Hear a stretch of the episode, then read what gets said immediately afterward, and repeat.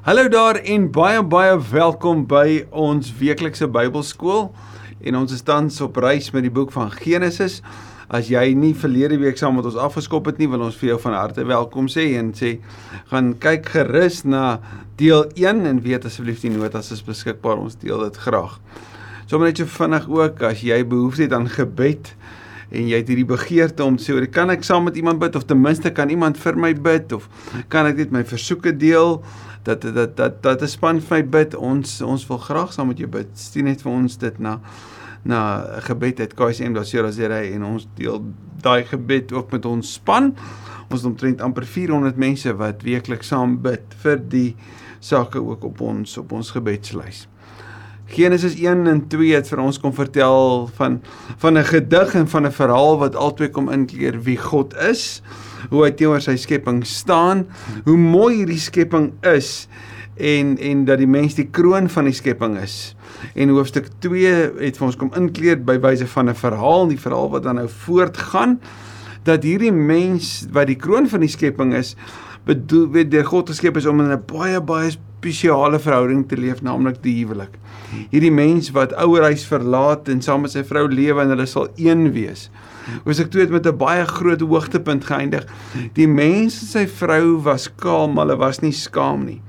Die woord kaal daar daar in Hebreëus is baie baie spesiaal want die drie letters wat wat as basis daarvoor gebruik word is ook die drie basisletters waarmee hoofstuk 3 ingelei word.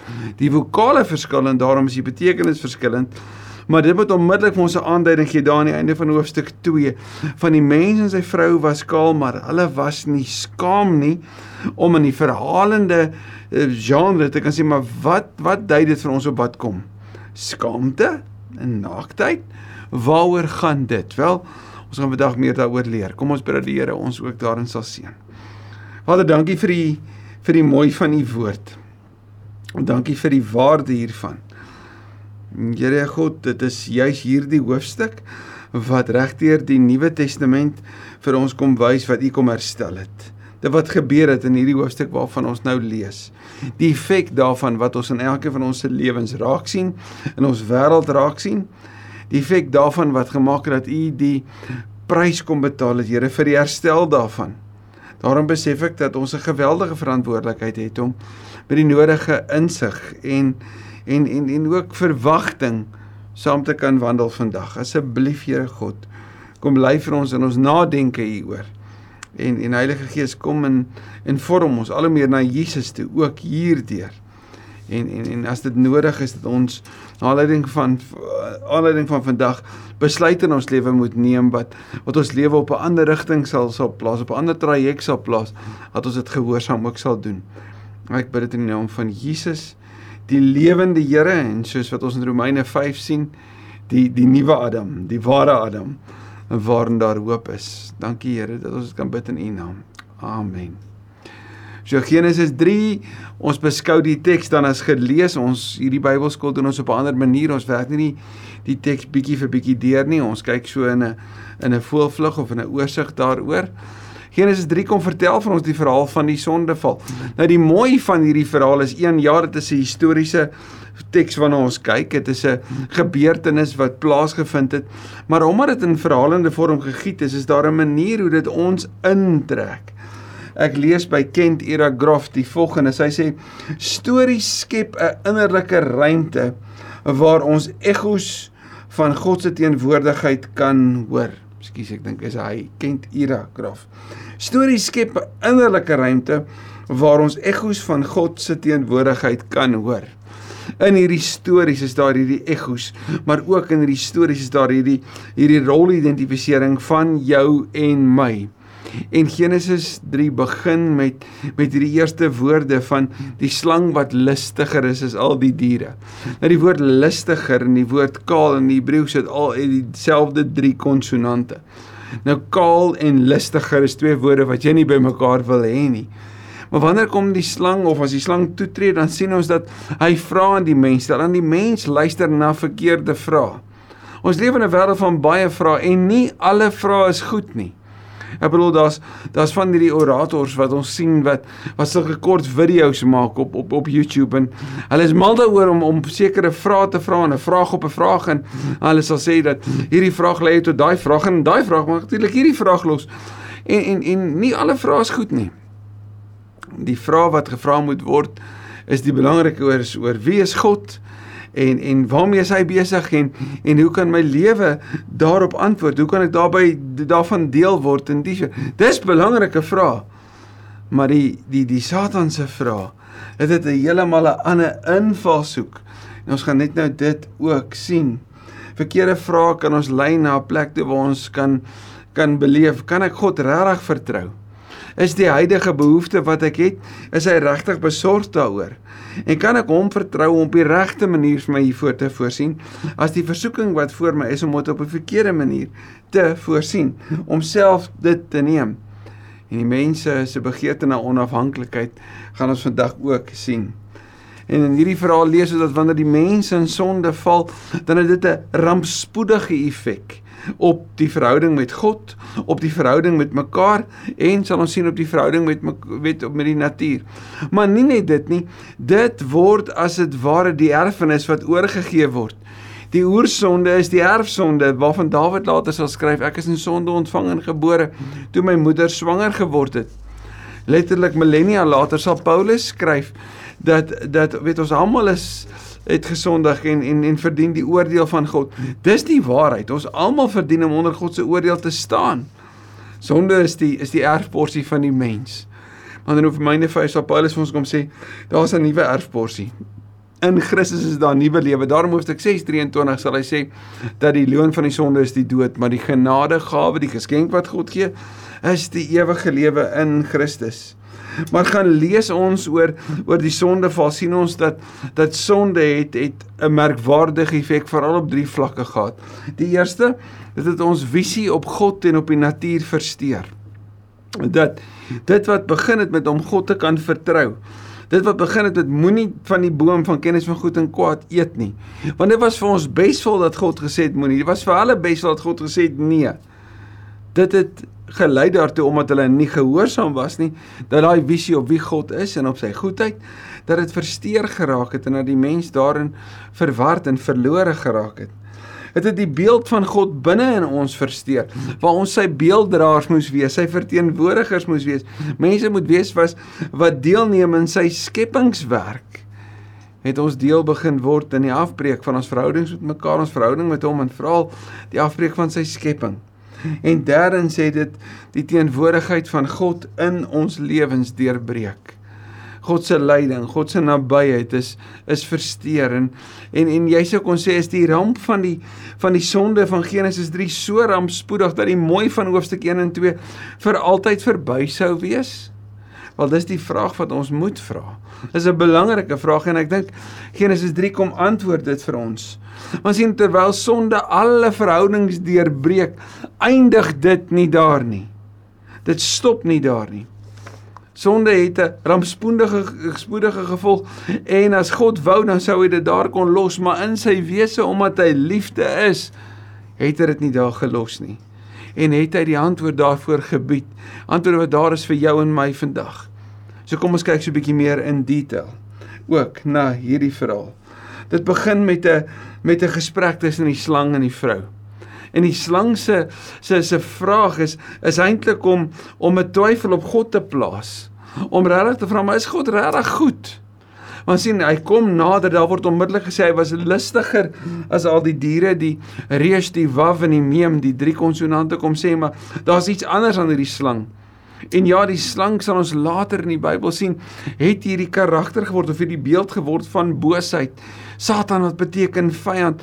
sien ons in in hoofstuk 16 van Romeine dat daar staan dat weet um, ek onthou Louis Britse liedjie nê. Romans 16:19 says be excellent in what is good be innocent of evil. En dan staan and the God of peace will soon crush Satan underneath your feet. Openbaring 12 word die draak beskryf as die slang van ouds. So hierdie slang figuur wat wat wat kom sê dat die slang was 'n ander tipe dier as die ander, nê? Nee? Maar maar hy verskyn op die toneel met met 'n baie baie interessante vraag. Maar wanneer doen hy dit? Die vraag wat hy kom stel is wanneer hy die vrou in isolasie kry. Daarin is ons eerste eerste merker in ons eie lewe oor versoekings in ons lewe. As ek 'n geïsoleerde lewe leef, is ek meer blootstelbaar teenoor versoekings en sonde. Word ek meer blootgestel wanneer ek in 'n geloofsgemeenskap leef, wanneer ek saam met medegelowiges leef, het ek 'n bron van krag en en 'n basis waarna toe ek kan draai wat my gaan help, waarna toe ek as dit ware kan kan gaan. Ek kan Jakobus 4 vers 7 leef. Nader tot God weerstaan die duiwel en hy sal van julle wegvlug. Maar in isolasie weg van God of op my eie, as ek so blootgestel, gaan ek die verkeerde keuses neem. Die vrou is op in isolasie en en dan sien ons dat wanneer sy na die na die boom kyk, is daar drie dinge wat hierdie versoeking inkleer wat elke liewe versoeking van jou en my ook so inkleer tot vandag toe. Ons sien die eerste belangrike ding op op op hierdie versoeking is dat daar vertel word van van hierdie vrug wat mooi is en hierdie vrug wat goed is en dan hierdie vrug wat wat begeerlik is. So eerstens sien ons dat dat wanneer sy na die vrug kyk, is daar hierdie skoonheid wat sy beleef. Ons sien in hierdie vrug dat daar 'n rede sal gevind kan word vir hoekom dit bruikbaar is want hy hy's goed. En dan is daar hierdie intellektuele ehm um, hoek wat sê hoor iemand maar hy's begeerlik hy hy gaan goed wees vir jou. So alles wat maak dat ons dit kan rasionaliseer, sien ons in hierdie versoeking van die vrou. Wanneer die slang na haar toe tree, Ek wil dit is verskriklik en daarom word daar geskryf oor vanaf paradise gained in in, in hoofstuk 2 na paradise lost in hoofstuk 3. Die vrou word ge versoek met hierdie vraag wat begin met 'n leen, het die Here dit regtig gesê. So hy bring twyfel en nie net dit nie, hy vat dit verder deur te sê maar dit gaan verseker nie wees nie. So een kan jy regtig vertrou wat die Here gesê het en twee eintlik kan jy glad nie want want dit wat daar gebeur het is nie waar nie. So God se woord word betwyfel. Dit impliseer 'n leuen en en dan maak sy droog. 2 Korintiërs 11 skryf Paulus oor Eva. Hy sê: "Maar ek is bang dat julle gedagtes weggelei sal word van die onverdeelde suiwere toewyding aan Christus, net soos Eva verlei is deur die lustigheid van die slang." Hoe gevaarlik is ons denke nie? Paulus skryf daaroor daarom sal hy ook sê dat ons ons gedagtes gevange moet neem. Daarom sal hy in Romeine 12 sê, hoorie maar maar ons moet dat God ons denke vernuwe.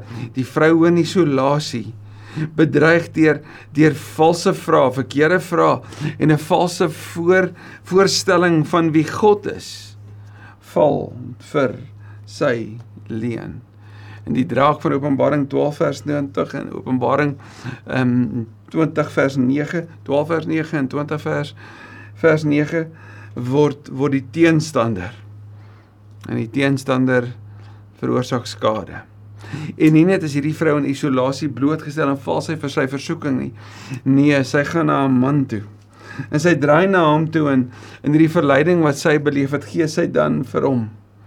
Maar sien ons het mos nou gesien, hierdie vrug was fisies goed geweest. Dit was esteties mooi geweest en dit was intellektueel begeerlik geweest omdat dit kennis kon hou.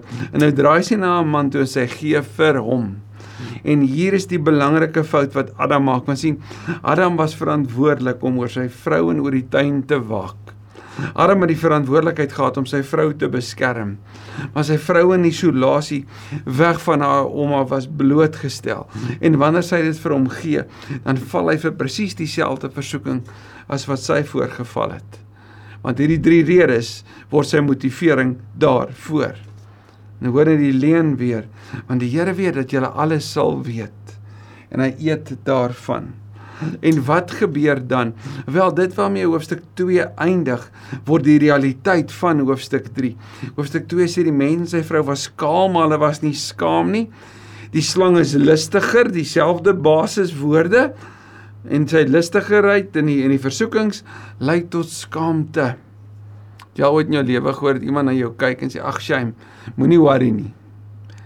Ek is so bly dat toe God na ons gekyk het en dat die skaamte gesien het. Hy het nie gesê ag shame, moenie worry nie. Inteendeel. Jy sou kon sê hy het gesê ag shame. Ek moet iets daaroor doen. En toe skaamte oor die mens kom, toe verander die mense gedrag. Ek en jy sien dit. Ons sien dat hulle gaan wegkruip. Want het duidelik het hulle bewus geraak. Ons sien hulle probeer bedek deur self vir hulle self klere te maak uit uit van die plante wat daar is. En ons sien dit hulle beskuldig. Dis altyd 'n aanduiding van sonde in ons eie lewe, nê? Nee, dat ons wil wegkruip, dat ons dit wil bedek en dat ons die blame op iemand anders wil plaas. Dis nie ek nie, dis hy. Dis nie ek nie, jy dit my laat laat, laat doen. Dis nie ek nie, dit is my my storie. Dis die huis waarin ek groot geword het of wat ook al. Ek vind verskoning op verskoning op verskoning as 'n rede vir hoekom ek droog gemaak het. En in plaas van hom om te draai en dit te erken, skryf ek liewer die blame. Dis die sigbare gevolge van wat die sonde doen. sien God het gesê doen dit en dan kom die sonde en dit breek ons verhouding met God want is ongehoorsaam. Maar nie net ons verhouding met die Here word daardeur versteur nie. Ons verhouding met mekaar en ons verhouding met die natuur. En dan sou jy kon sê maar maar toe dit gebeur, is dit die einde? Dan sien ons in vers 9 die woord maar. Maar die Here het gewandel teen die aandwind. Die Here het beweeg en dan is God se eerste woorde: "Adam, waar is jy?" En dit was nie 'n hemelse wegkruipertjie daar in die tuin van Eden wat hier plaasvind van God wat nie geweet het nie. Nee, die die die kommentaare reken die vraag is eerder: "Adam, waarom is jy hier? Wat soek jy hier?" Net soos die vraag vir Elia daar in die in die grot. Waarom is jy hier? Waarom waar is jy? Wat het gemaak dat jy hier gekom het? Wat het gemaak dat jy moet gaan wegkruip? Nou ken ons Adam se antwoord, nê? Nee? Sy antwoord is is Here, maar maar ek het ek het besef dat ek skaam is. Weet, dat ek kaal is. Ek wil dit het oor my gekom. Dis die Here dat jy tog nie daarvan geëet nie. En dan Adam se se hartseer antwoord. Hy beskuldig God. Hy beskuldig nie net sy vrou nie, nee, hy beskuldig God. Hy sê die vrou wat U vir my gegee het. So in wese is U die oorsaak van die fout wat ek gemaak het. U is die een wat verantwoordelikheid hiervoor moet aanvaar. U is die een wat aanspreeklik is. Jy sou selfs kon sê U het vir my vrye wil gegee. maar liefde impliseer vrye wil. Hoe hartseer is dit nie? Dat Adam sê U het my hierdie een gegee. En Eva, wat doen sy? Sy skryf die blam. Dis die ek is die slang. Gaan nie aan verantwoordelikheid daarvan aanvra nie. Nee, inteendeel. En wat is die gevolg daarvan? Los die Here dit dan nee. God se woorde is hard en is nodig. Want sien sy sy straf is duidelik en en die straf op die sonde het ook 'n effek op die skepping. Ons sien dan dat die vrou hoor dat dat sy gaan swaar kry sommige reken dat wanneer wanneer sy daar gesê word dat na jou man gaan jy hinker dan het dit nie te doen dat sy gaan swakker wees nie. Nee waar sy oor hom wil heers gaan sy nou na hom hinker. Want sien die die straf van die sonde is op die sonde wat beskryf word in hoofstuk 3 as the battle of the sexes. Hoofstuk 4 word beskryf as the battle of the siblings. So julle twee gaan in in konflik met mekaar wees want dis wat sonde teweegbring maar jy gaan na hom hinker en vir Adam Adam wat oral wil heers, wat hoor hy? En jy gaan verskriklik hard werk. Vir die vrou, jy gaan jy gaan swaar kry met swangerskap. En dit sê nie dat swangerskap 'n uh, 'n straf is nie, maar die pyn daarvan gaan iets vertel van die gevolge wat sonde op ons het. En vir die man wat verskriklik hard moet werk op aarde, beteken dat die natuur nie so maklik sal kan teruggee nie, so ook die natuur gaan lei. En dan die messiaanse belofte van hoofstuk 3 vers 15. Die belofte wanneer God na die slang kyk en vir hom sê: "Maar maar jy sal hom nie hakskind byt en hy gaan jou kop vermorsel."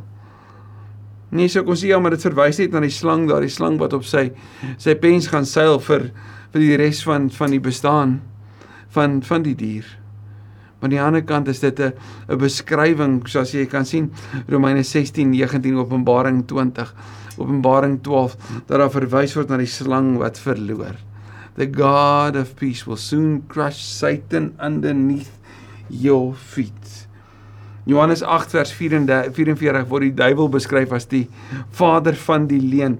Die een wat hier gejok het is die een wat daar jok.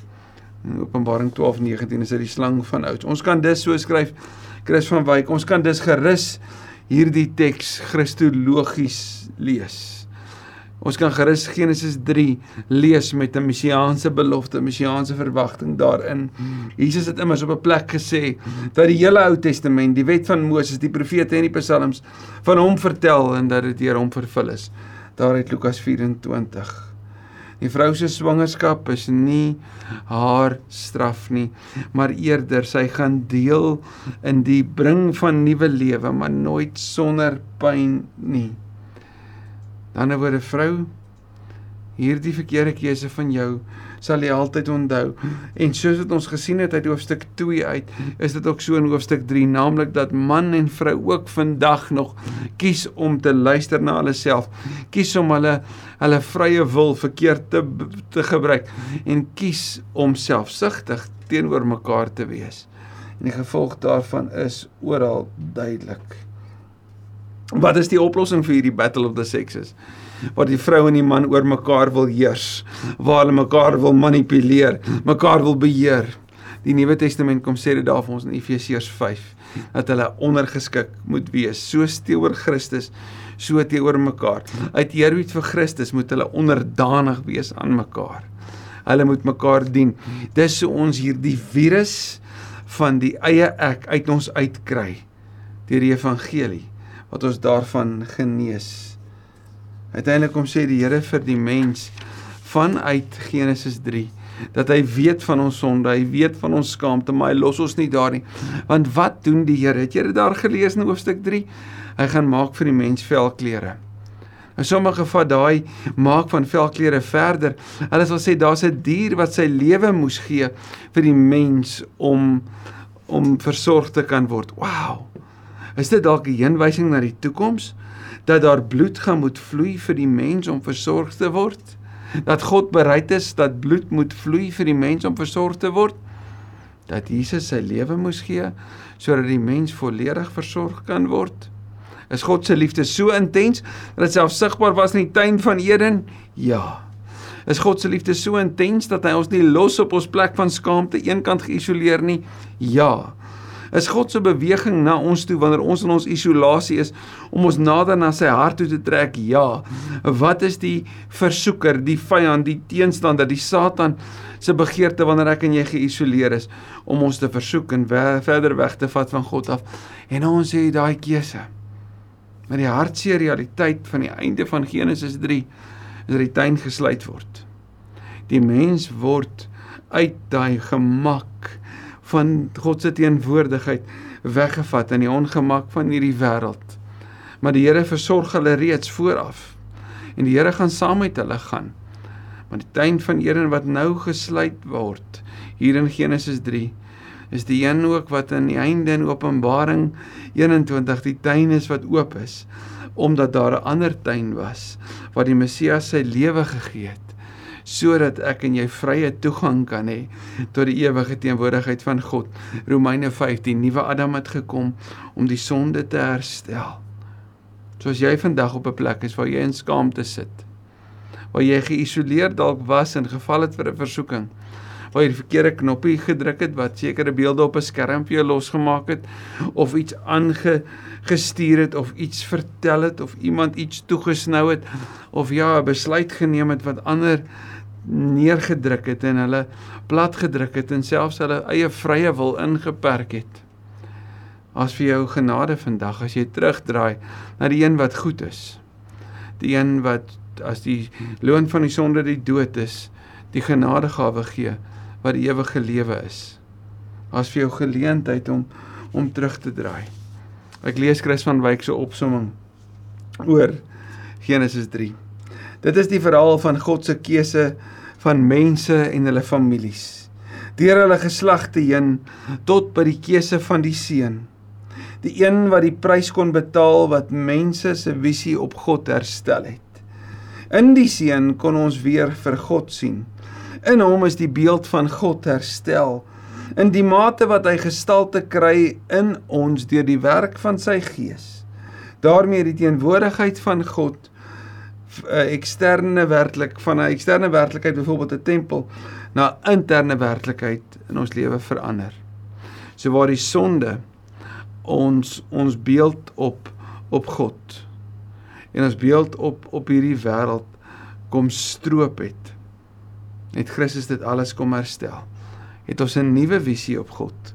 Het ons 'n nuwe visie op die wêreld en waarmee God besig is en is ons innerlike beeld herstel want die Here is nou naby. Dankie Vader vir vandag. Here hierdie hierdie beeld van die sondeval is groot en is verskriklik. Die ramp is daarvan daarvan is regtig rampspoedig en intens. Ons kyk na ons wêreld en ons sien al die neervalle, die uitvalle van hierdie sonde virus raak in selfsug, in moord, in oorlog. Ons sien Here hoe hierdie battle of the sexes plaasvind en en en en, en neerslag vind in in in huwelike en in verhoudings elke dag. Ons sien konflik en ons sien regtig diep versteurde verhoudings. Dankie Here dat die sonde nie die oorhand het nie.